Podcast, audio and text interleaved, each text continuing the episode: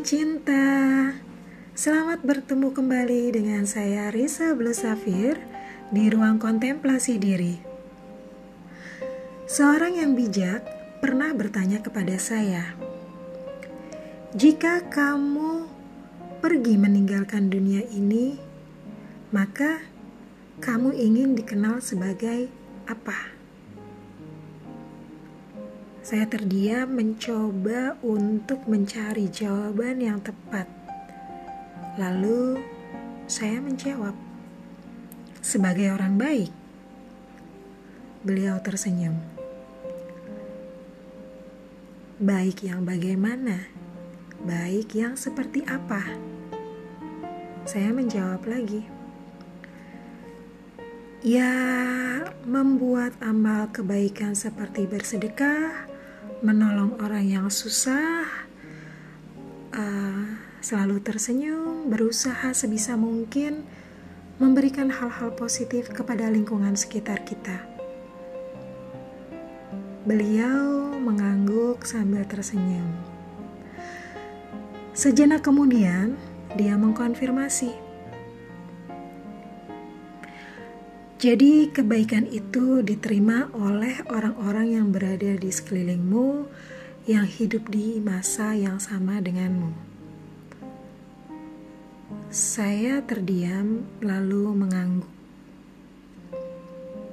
Beliau bertanya lagi, "Lalu, bagaimana dengan orang-orang yang hidup setelah dirimu pergi?" Saat itu saya benar-benar terdiam.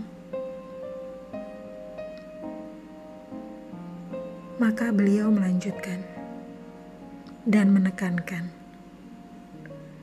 "Menulislah." Karena dengan menulis, manfaat yang diberikan tidak hanya kepada orang yang ada di dekatmu yang hidup semasa denganmu Menulislah sesuatu yang positif, sesuatu yang bermanfaat, sesuatu yang mencerahkan. Dan jika tulisanmu itu terus memberikan inspirasi kepada orang-orang yang membacanya, maka itu akan menjadi keberkahan bagimu. Ada perasaan seperti sesuatu yang menohok, karena saya tidak pernah berpikir ke arah itu. Akhirnya, saya mencoba mencari tahu tentang keutamaan menulis. Saya menemukan beberapa quote yang menguatkan, dan banyak sekali ternyata Orang-orang bijak yang hidup di saat ini maupun di masa lampau menganjurkan untuk menulis. Imam Al-Ghazali berkata, "Jika kamu bukan anak seorang raja, bukan juga anak seorang ulama besar, maka menulislah."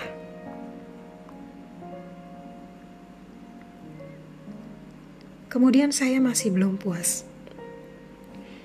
Saya terus mencari.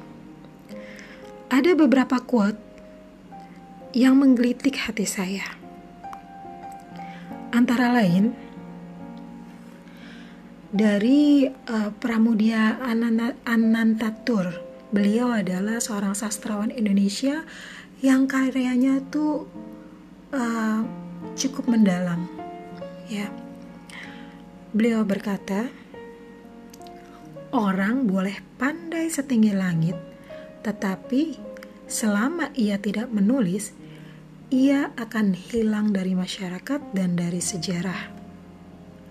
Menulis adalah bekerja untuk keabadian. Nah, kemudian saya berpikir, saya sepertinya tidak punya talenta untuk menulis. Lalu saya mau menulis apa? Dan saya menemukan quote ini dari Stephen King. Jika ditanya, bagaimana kamu menulis? Saya akan menjawab, satu demi satu kata. Itu artinya, ketika kita ingin menulis, ya nulis aja. Jangan difikirkan bahwa ini tulisan akan menjadi uh, sesuatu yang spektakuler atau mendapatkan penghargaan dan lain sebagainya. Buang dulu pemikiran yang seperti itu karena kita tidak akan pernah mulai untuk menulis. Jadi, mulai. Mulai dengan satu kata, kemudian disusun, kumpulkan, sehingga dia menjadi sebuah rangkaian cerita. Ada lagi quote yang lain yang disampaikan oleh Armin Marta uh, Armin Marta Jasa. Ini cukup menarik buat saya karena dia bilang, jika kamu ingin mengenal dunia, membacalah. Tapi jika kamu ingin dikenal dunia, menulislah. Kalau tadi Stephen King menganjurkan kita untuk mulai menulis dengan satu kata, nah, Armin menggeliti kita untuk menjadi salah satu orang yang dikenal oleh dunia. Jika itu terlalu tinggi, ya kita bisa menulis untuk diri sendiri. Ya, seperti yang dikatakan oleh Richard Bach. A professional writer is an amateur who didn't quit. Artinya apa? Seorang profesional seorang penulis profesional sekalipun dia adalah seorang amatir yang tidak pernah berhenti untuk menulis, sehingga pada akhirnya dia menjadi seorang yang profesional. Nah, artinya apa? Menulis itu adalah sebuah proses gitu ya, seperti yang dikatakan oleh Ernest Hemingway. There is no rule on how to write. Sometimes it comes easily and perfectly. But sometimes It's like drilling rock and then blasting it out with charge. Jadi sebenarnya tuh nggak ada ketentuan untuk menulis itu seperti apa sih. Kadang-kadang menulis itu menjadi suatu proses yang sangat mudah dan gampang gitu ya. Tapi kadang-kadang itu rasanya seperti kita mengebor sebuah batu yang sangat keras gitu sehingga kita membutuhkan uh, banyak daya dan uh, daya dan upaya untuk bisa menulis. Gitu. Saidina Ali seorang sahabat Nabi yang terkenal sebagai babul ilmi juga menganjurkan untuk menulis. Beliau berkata semua orang akan mati kecuali karyanya. Maka tulislah sesuatu yang akan membahagiakan dirimu di akhirat kelak.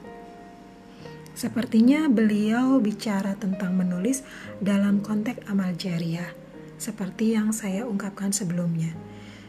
Ketika tulisanmu baik dan bermanfaat, kemudian dilakukan kebaikan itu karena tulisanmu, maka kebaikan itu akan menjadi amal jariah bagimu. Begitu seterusnya seperti bola salju yang menggulung. Dan jangan lupakan apa yang dikatakan Napoleon Bonaparte. Aku lebih takut dengan seseorang yang memegang pena. Maksudnya adalah penulis daripada prajurit yang bersenjatakan lengkap. Kita tahu siapa Napoleon. Dia seorang pejuang dan dia mengatakan hal tersebut. Dan karena saya adalah seorang muslim, saya mencoba mencari keutamaan tentang menulis itu di dalam kitab suci Al-Qur'an yaitu kitab yang saya yakini sebagai uh, pedoman hidup saya. Walaupun saya bukan atau belum sebagai seorang muslim yang baik, tapi saya mencoba mencari referensi tersebut dari kitab suci tersebut. Ya. Kemudian saya menemukan di dalam uh, surat Al-Qalam. Al-Qalam itu sendiri artinya adalah pena, kalam. Ya. Al-Qalam merupakan surat ke-68 dan di ayat 1 bunyinya seperti ini. A'udzu billahi minasyaitonir rajim. Bismillahirrahmanirrahim. Nun wal qalami wa ma yasturun. Nun wal demi kalam wa ma dan apa yang mereka tulis. Bahkan di dalam Al-Qur'an pun uh, pena diabadikan sebagai nama sebuah surat. Seperti yang dikatakan oleh Al-Qurtubi rahimahullah di dalam kitab Al-Jami Li'ah Kamil Quran. Beliau berkata, Bagi Allah bersumpah dengan apa yang disukai dari makhluknya, itu adalah seperti sebuah komitmen baik itu berupa hewan atau makhluk yang padat. Salah satu contohnya adalah kolam. Kolam itu adalah makhluk yang padat. Meskipun tidak diketahui hikmah dari hal tersebut. Maksudnya bagaimana?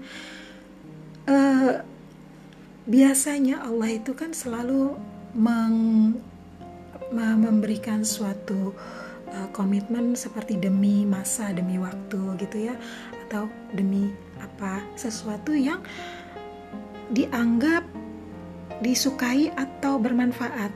Nah, Al-Qalam ini pun sampai diabadikan menjadi nama surat di dalam kitab suci. Itu artinya apa?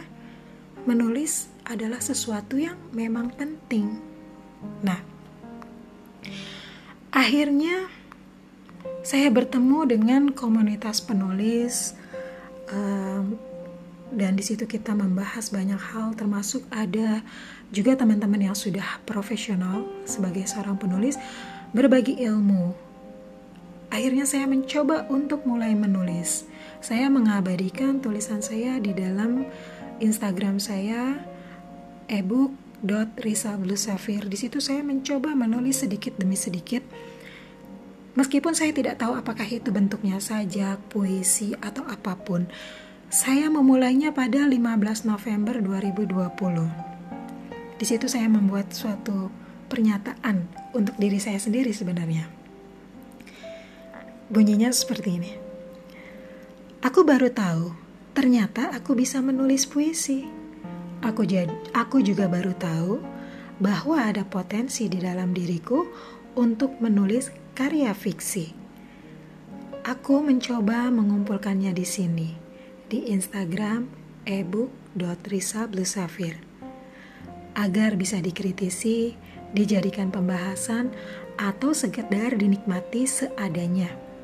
Karena aku bukan anak raja, bukan pula anak seorang ulama besar, maka aku akan mengasah kemampuan menulisku. Jadi, saya sejak itu mulai menulis. Saya kumpulkan beberapa karya-karya nan yang nantinya saya akan coba bacakan satu persatu di sini. Itu sebagai bentuk apresiasi saya terhadap kehidupan yang sudah Tuhan berikan kepada saya selama ini. So, thank you for listening. Semoga curhatan saya ini cukup bisa memberikan inspirasi. Sampai bertemu lagi di chapter selanjutnya yang akan uh, memunculkan karya-karya yang sudah saya tulis baik itu dalam bentuk puisi, sajak, haiku atau apa pun itu karena secara teori sesungguhnya saya belum begitu paham tentang konteks menulis. Oke, okay, good people. See you and have a nice day.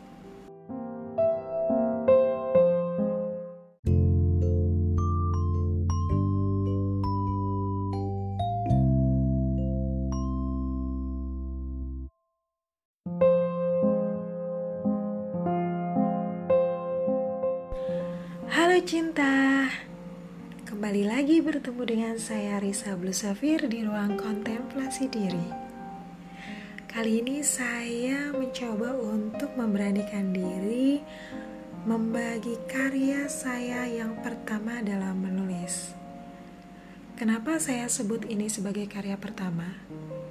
Padahal saya punya beberapa karya buku yang sudah diterbitkan. Dua di antaranya diterbitkan oleh Gramedia. Nah, karya-karya tersebut yang sudah pernah terbit itu kebanyakan adalah permintaan dari penerbit untuk menyumbangkan beberapa tulisan tentang pengalaman perjalanan saya sebagai seorang solo traveler perempuan. Jadi, pejalan perempuan sendirian keliling dunia itu dianggap jarang. Nah, maka saya dianggap berkompeten untuk membagikan tulisan saya tentang pengalaman selama traveling. Kita menyebutnya sebagai backpacker gitu ya. Oke, kadang-kadang mereka minta tulisan ketika saya dalam perjalanan. Maka untuk praktisnya ya saya tinggal ngetik aja uh, pakai handphone di WA, kadang di email, tergantung kapan saya mendapatkan internet ketika dalam perjalanan. Bahkan ketika saya belum kembali ke Indonesia, tulisan tersebut sudah terbit dan karya uh, karya tulisan saya um, yang sudah terbit itu bukunya sudah dikirimkan ke rumah saya. Sementara saya masih ada di mana saya nggak tahu. Gitu sekarang setelah saya bergabung dengan teman-teman alumni yang berkecimpung di bidang literasi atau menulis, baik itu yang profesional atau orang yang berminat untuk menulis, maka saya mulai uh, mempelajari sedikit tentang teori menulis, juga termasuk kategori penulisan yang sebelumnya saya sama sekali nggak tahu. Jadi ceritanya di dalam grup itu kita ditantang untuk menulis. Nah, seorang teman mengirimkan fotonya sebuah siluet di saat senja. Saya langsung terinspirasi dan membuat foto tersebut sebagai background. Maka jadilah sebuah tulisan yang berjudul Senja ditulis pada tanggal 15 November 2020 di mana saya menganggap bahwa tanggal tersebut sebagai tonggak di mana saya mulai belajar menulis. Meskipun demikian, tulisan pertama saya ini masih belum saya ketahui apakah masuk ke dalam kategori puisi atau sajak atau apa pun itu. Yang saya tahu, saya hanya mencoba untuk belajar menulis. Maka inilah karya pertama saya, Senja. Akulah senja, tempat yang seharusnya engkau tahu bahwa engkau diterima, diharapkan, dan dirindukan. Akulah senja, tempat engkau bisa menitipkan lelahmu dengan segala damai yang kumiliki. Ditulis di Cilengsi 15 November 2020. Oke okay, good people, bagi yang mau komentar dipersilakan, yang mau ngebully juga boleh, yang mau kasih kritik boleh, mau kasih saran juga boleh. Thank you for listening and sampai ketemu lagi di karya saya selanjutnya. Have a good day.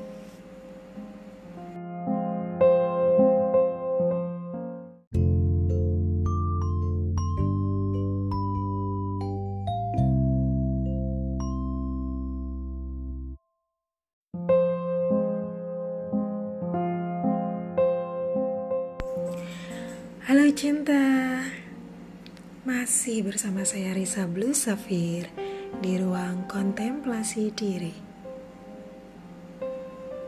Jadi gini ya Cin Tanggal 15 itu Seperti sebuah klik momen Atau apa namanya Saya seperti mendapatkan pencerahan Sehingga nggak tahu kenapa dalam satu hari, saya bisa sangat produktif menuliskan beberapa karya, terlepas karya tersebut merupakan karya yang dianggap baik atau tidak. Saya mengesampingkan itu semua. Kenapa? Karena fokus saya saat ini adalah bagaimana supaya saya bisa mulai menulis, gitu. Nah, yang mau saya bacakan sekarang ini sebenarnya terinspirasi dari uh, syairnya seorang sufi perempuan Robiah Al-Adawiyah yang bunyinya kira-kira begini kalau salah nanti tolong dibenerin di kolom komentar ya. Uh, atau kalau nanti ada tambahan boleh silakan ditambahin juga. Seingat saya seperti ini. Ilahilas tulil firdaus si ahla Walau aqwa alan nari jahimi.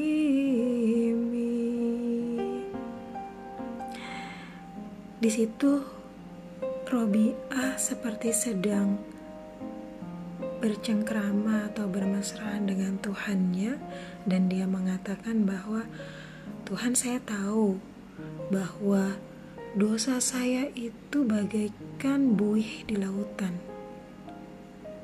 Ilahilas tulil firdausi ala. Wala walau aku alan nari jahimi. Maka uh, ilahilas tulil firdausi ahla jadi saya merasa tidak pantas untuk berada di surgamu karena dosa saya yang banyak itu. Walau aku alan nari jahimi, tapi kalau aku berada di nerakamu, maka aku pasti tidak akan kuat. Jadi, kekuatan syair dari ungkapan rasa apa ya? rasa seorang hamba yang benar-benar takluk di hadapan khaliknya sehingga melahirkan syair seluar biasa itu. Jadi ada unsur merajuk. Oke Tuhan saya ini kan hambamu yang penuh dosa.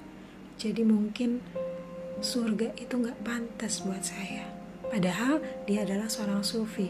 Sufi itu artinya orang yang sangat menjauhi dosa karena saking takutnya kepada Tuhannya.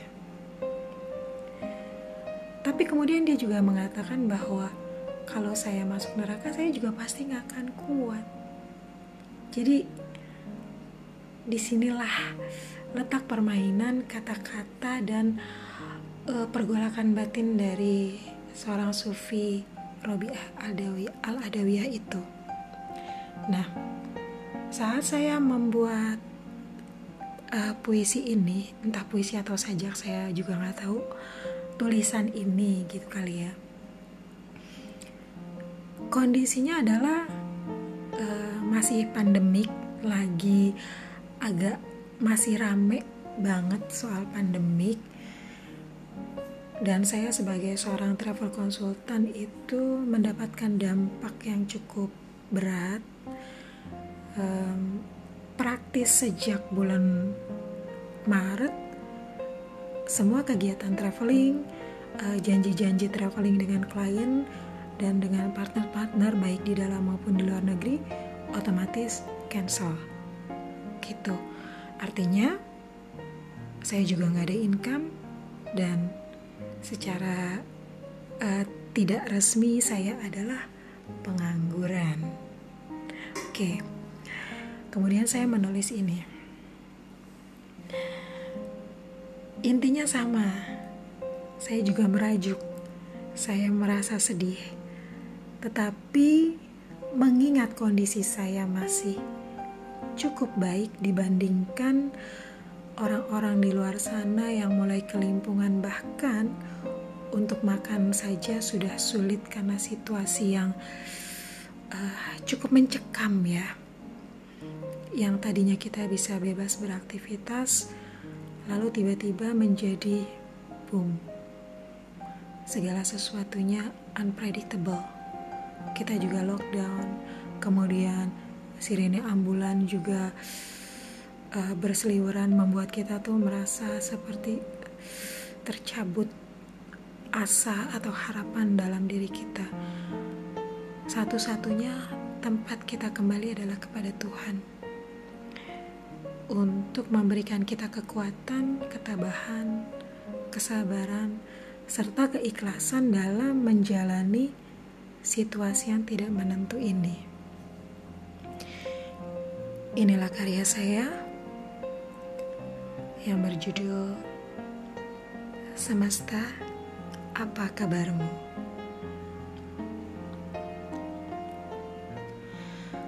Aku tahu jika salah dan lupa adalah lemahku.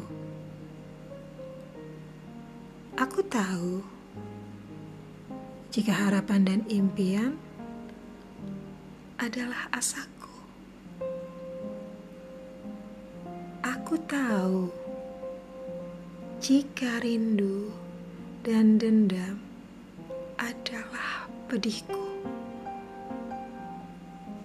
Namun, Aku juga tahu.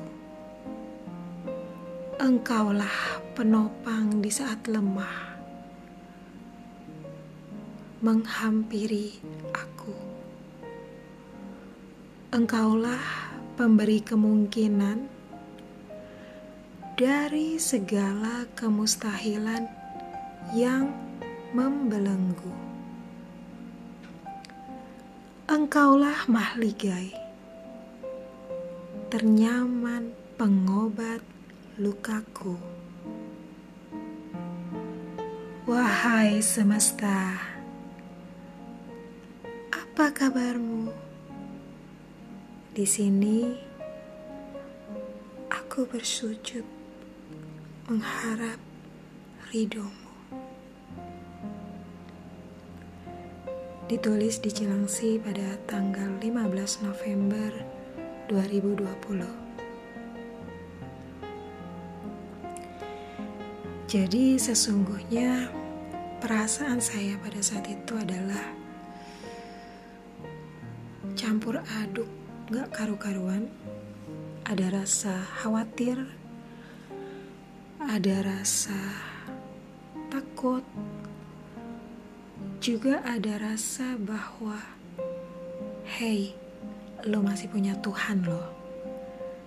Tempat di mana lo bisa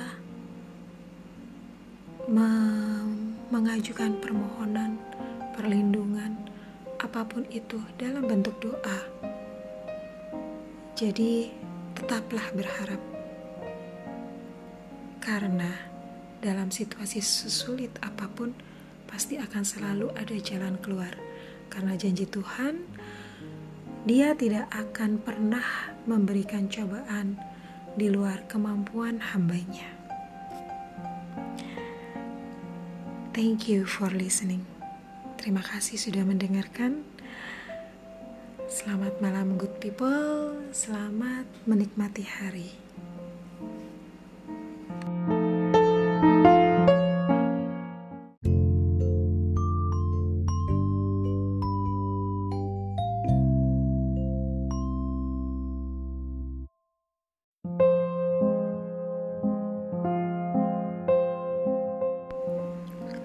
Halo cinta. Kembali lagi bersama saya Risa Blue Safir Di ruang kontemplasi diri.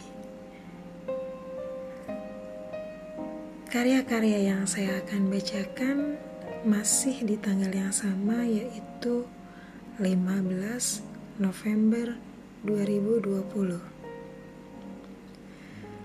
Kali ini suasana hati saya saat menulisnya adalah perasaan di mana merasa bersalah, tapi juga tidak berdaya karena sedahsyat apa pun pergumulan di dalam batin maupun pikiran saya saya tahu bahwa saya butuh cinta darinya untuk bisa bertahan. Tanpa cinta dari dia, saya hanya akan meranggas, saya hanya akan merasa kosong, hampa, tidak berarti dan perasaan-perasaan di mana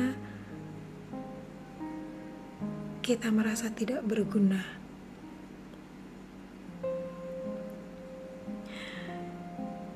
Tetapi sebagai manusia, kadang-kadang kita juga sering kali tidak mampu atau karena situasi tertentu yang menyebabkan kita banyak melanggar atau mengabaikan ajaran-ajaran suci dalam kitab suci yang kita yakini.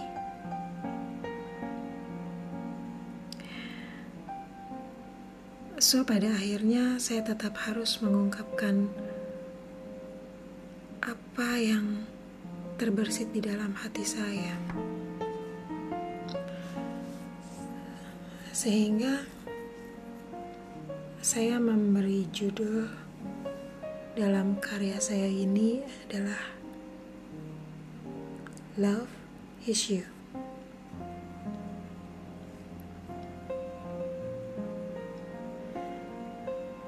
Pagiku yang kesiangan ditingkahi mendung karena lalai menghadapmu tepat waktu. Hariku yang sibuk bekerja dengan setiap detiknya hingga terjeda rinduku padamu. Malamku membungkus lelah dalam mimpi yang keluh. Aku meronta, namun terpasang rantai palsu, meranggas kehausan rindu yang menggebu. Wahai cinta, aku kembali padamu. Tanpamu, aku lemah melayu. Don't you understand? Because love is you.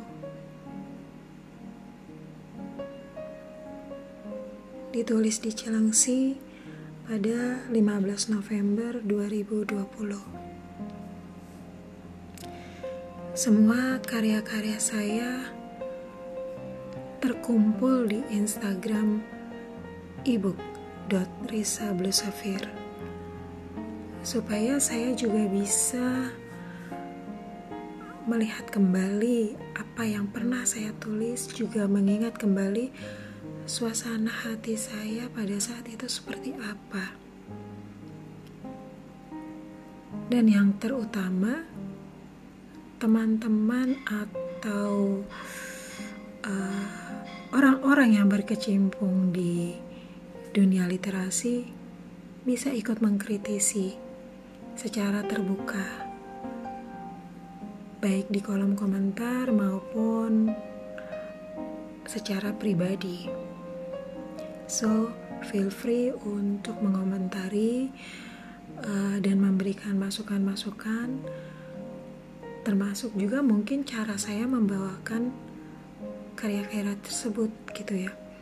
Karena sebenarnya saya bukan seorang sastrawan. Jadi mungkin saya membawakan puisinya juga sekedar ya membacakan gitu loh bukan seperti membawakan sebuah karya sastra selain itu juga saya masih bisa dibilang tidak terlalu percaya diri bahwa karya saya bisa dibilang masuk kategori karya sastra. Anyway, apa pun itu, thank you for listening. Makasih banget udah dengerin. Semoga bisa memberikan inspirasi. Oke, okay, good people. See you in the next chapter. Bye for now.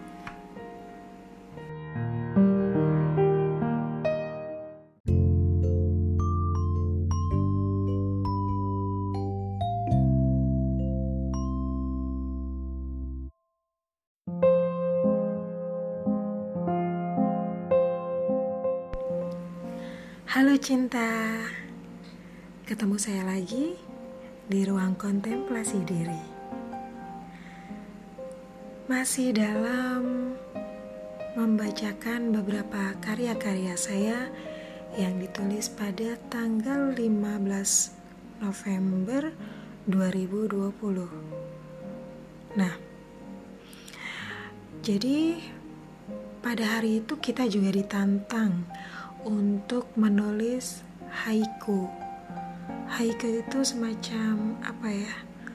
Mungkin pantun atau apa saya juga kurang tahu nanti bisa cila, apa silakan di googling saya juga lupa uh, deskripsinya seperti apa cuma yang saya ingat itu haiku terdiri dari tiga baris kalimat setiap baris itu komposisinya terdiri dari tiga uh, lima suku kata di baris keduanya adalah tujuh suku kata dan di baris ketiga lima suku kata lagi. Jadi lima tujuh lima. Nah haiku ini sendiri berasal dari Jepang karya sastra Jepang gitu ya. Jadi suku kata yang ada di Jepang dengan di Indonesia pastinya berbeda karena penulisannya juga berbeda. Tetapi uh, yang namanya sebuah karya sastra itu terus berkembang dan haiku diadopsi um, dalam bahasa Indonesia juga atau mungkin bahasa lain saya juga kurang tahu uh, dengan membuat pakem yang 575 itu tadi tiga baris dengan komposisi 575. Nah, ini adalah salah satu haiku pertama yang saya buat.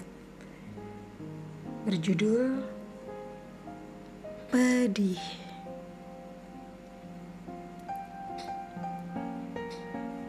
Semburat biru merobek malam syahdu aku tergugu. Jadi semburat biru itu terdiri dari lima suku kata semburat biru.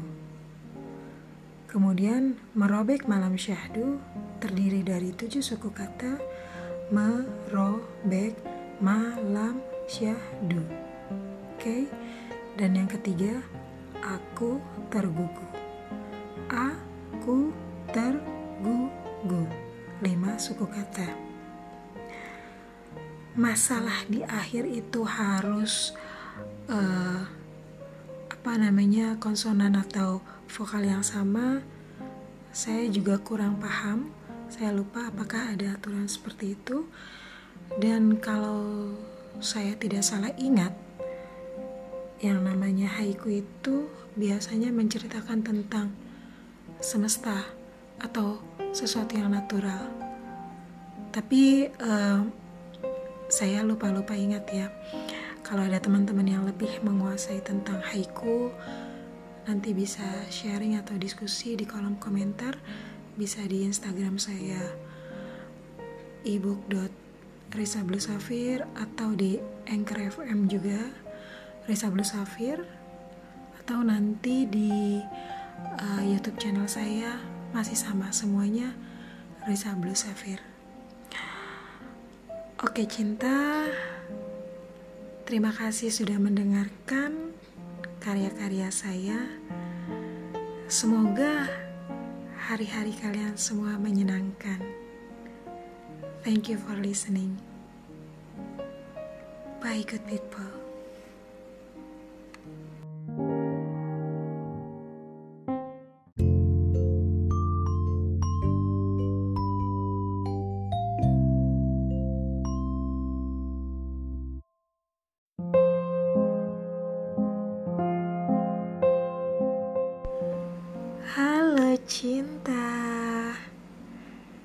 Kembali lagi bersama saya Risa Blesafir di ruang kontemplasi diri.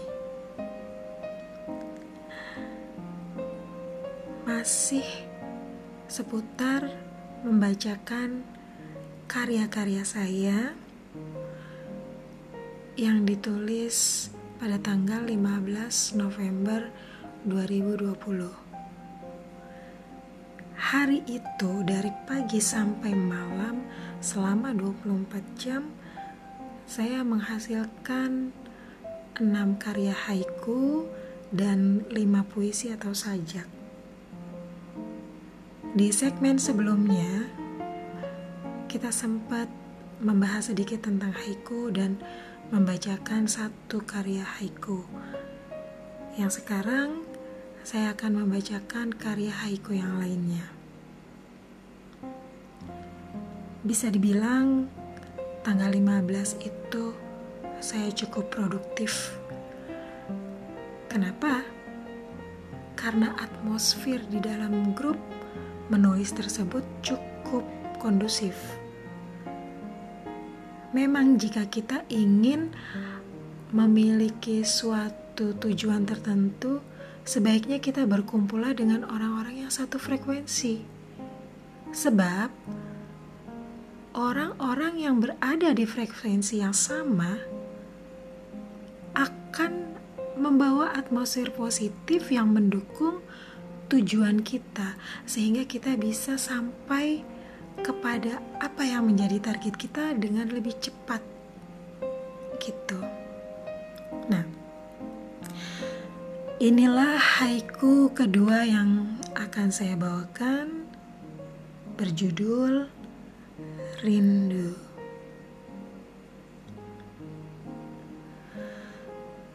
Peluklah aku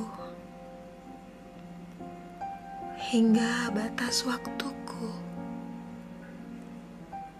kembali satu.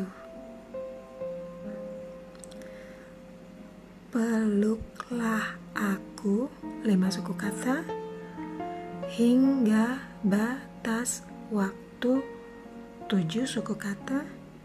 Kembali. Satu lima suku kata. Mungkin teman-teman ada yang bisa membacakannya dengan intonasi yang lebih enak. Monggo silakan. Bagi yang mau memberikan masukan boleh di kolom komentar yang di Instagram di YouTube atau Anchor FM di mana aja juga boleh. Saya terbuka untuk segala macam kritik dan saran. Kalau mau bully juga silakan. Tapi kalau lagi saya bete, mungkin gak akan saya baca. Oke, okay, good people. Terima kasih sudah mendengarkan. Sampai bertemu kembali di karya saya selanjutnya. Goodbye for now.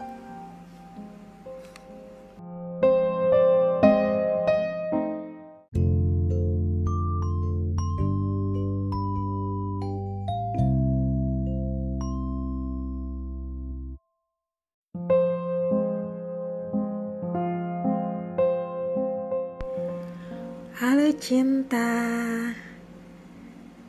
Kembali lagi bertemu dengan saya Risa Blue Safir di ruang kontemplasi diri.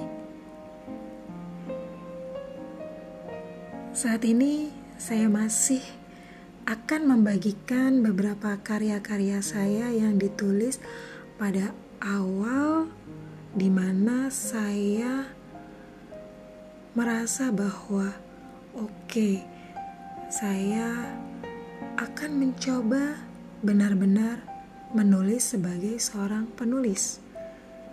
Walaupun sebelumnya saya sudah pernah menerbitkan buku, tetapi saya merasa belum sebagai penulis. Sekarang pun saya masih merasa belum pantas disebut sebagai penulis. Untuk itu, apa yang akan saya lakukan adalah mencoba menulis, menulis, menulis, dan berproses untuk menjadi penulis. Saya tidak begitu memusingkan apakah tulisan saya ini bentuknya puisi atau sajak atau syair, cerpen, novel, apa pun itu. Ketika saya punya ide dan ingin menulis, maka saya akan menulis. Selanjutnya mungkin teman-teman di luar sana yang lebih profesional bisa mengoreksi, menganalisa, memberikan masukan, mengkritisi, apa pun itu terserah. Jadi sambil uh, mendengarkan masukan-masukan dari mereka yang lebih paham, saya akan belajar dari situ. Nah, apa yang saya lakukan saat ini, saya hanya ingin fokus menulis dan mengasah keterampilan menulis tersebut agar menjadi lebih tajam. Gitu ya. Oke. Dari enam karya haiku yang saya tulis pada tanggal 15 November 2020, dua sudah saya bagikan di segmen sebelumnya dan yang ketiga ini saya berikan judul um, yang sesuai dengan kondisi saya saat itu pada saat tengah malam dengan segala kesadaran bahwa saya sungguh-sungguh hanya sebesar biji zarah atau debu yang ditiup bisa hilang begitu saja. Artinya, I'm nothing. Jadi, saya harus mengakui bahwa saya takluk. Ya, haiku yang ini saya beri judul takluk.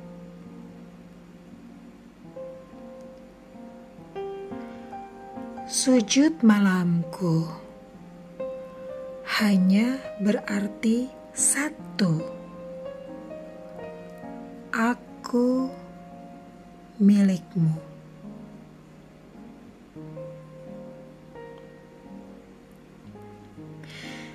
Sujud malamku. Sujud malamku. Lima suku kata hanya berarti satu, hanya berarti satu. Tujuh suku kata, aku milikmu, aku milikmu. Lima suku kata. Tiga baris dengan susunan lima, tujuh, lima. Sujud malamku, hanya berarti satu aku milikmu. Entah kenapa saya merasa haiku yang ini cocok banget dengan saya. Ya seperti itulah kondisi saya takluk tanpa syarat mengakui bahwa saya tidak memiliki daya dan upaya kecuali jika Dia memberikan daya dan upaya tersebut kepada saya dengan sukarela.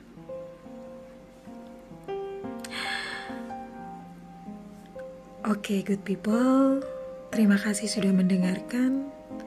Sampai bertemu kembali di karya saya selanjutnya.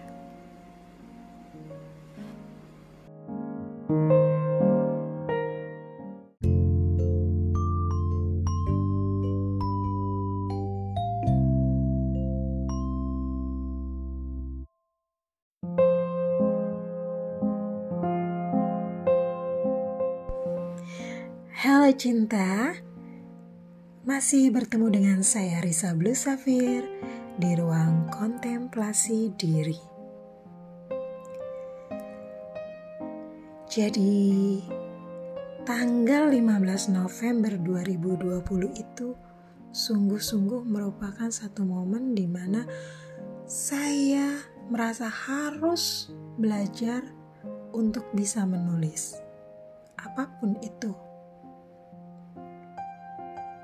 dalam satu hari, apa pun yang saya rasakan, apa pun yang saya lihat, apa pun yang saya dengar, akan saya tulis.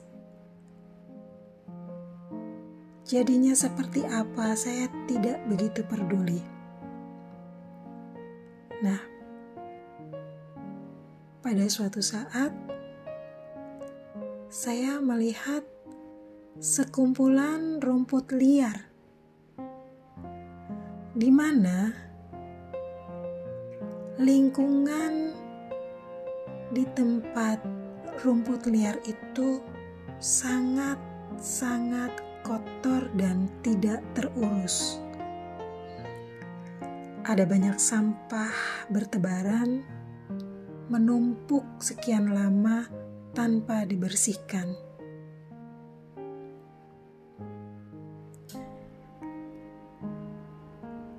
Tetapi sesuatu yang membuat saya merasa terenyuh adalah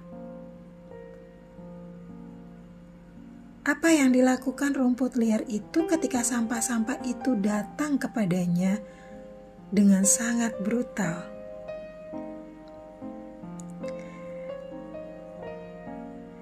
Dia tidak melakukan apa-apa. Dia hanya diam dan ketika ada angin menerpa, dia tetap mengikuti ayunan angin, menari bersama angin.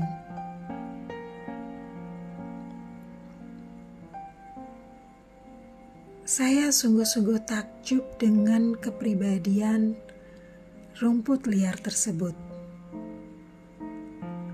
Di tengah gempuran sampah, kotoran, dan banyak hal-hal buruk yang menimpa dirinya,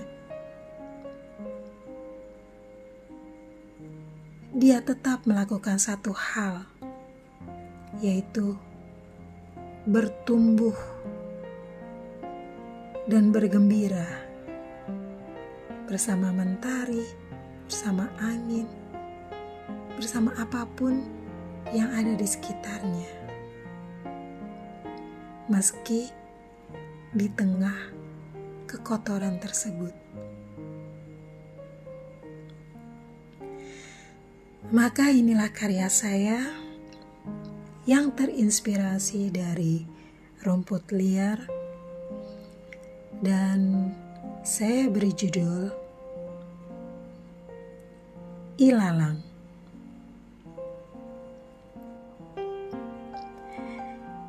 Jika takdirku adalah ilalang. Aku tidak akan iri pada bunga karena kecantikannya yang memukau para kumbang. Aku tidak akan cemburu pada pohon yang memiliki kekuatan untuk tempat berlindung. Aku tidak akan nelangsa pada padi. Untuk baktinya membuat makhluk menjadi kenyang. jika takdirku adalah ilalang. Aku akan menari bersama angin dengan riang. Aku akan menyapa senja untuk menciptakan siluet yang membayang. Aku akan bicara pada burung yang terbang melayang. Aku akan bersahabat dengan rembulan yang anggun menggantung.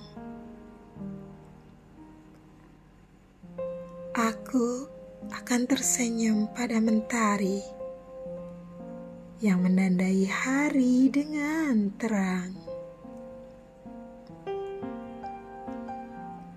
Jika takdirku adalah ilalang. Akan kutitipkan pesan pada pelangi bahwa aku, kamu, kita pantas bersuka cita bersama bintang. Sebab bagi semesta, kita adalah kekasih tersayang.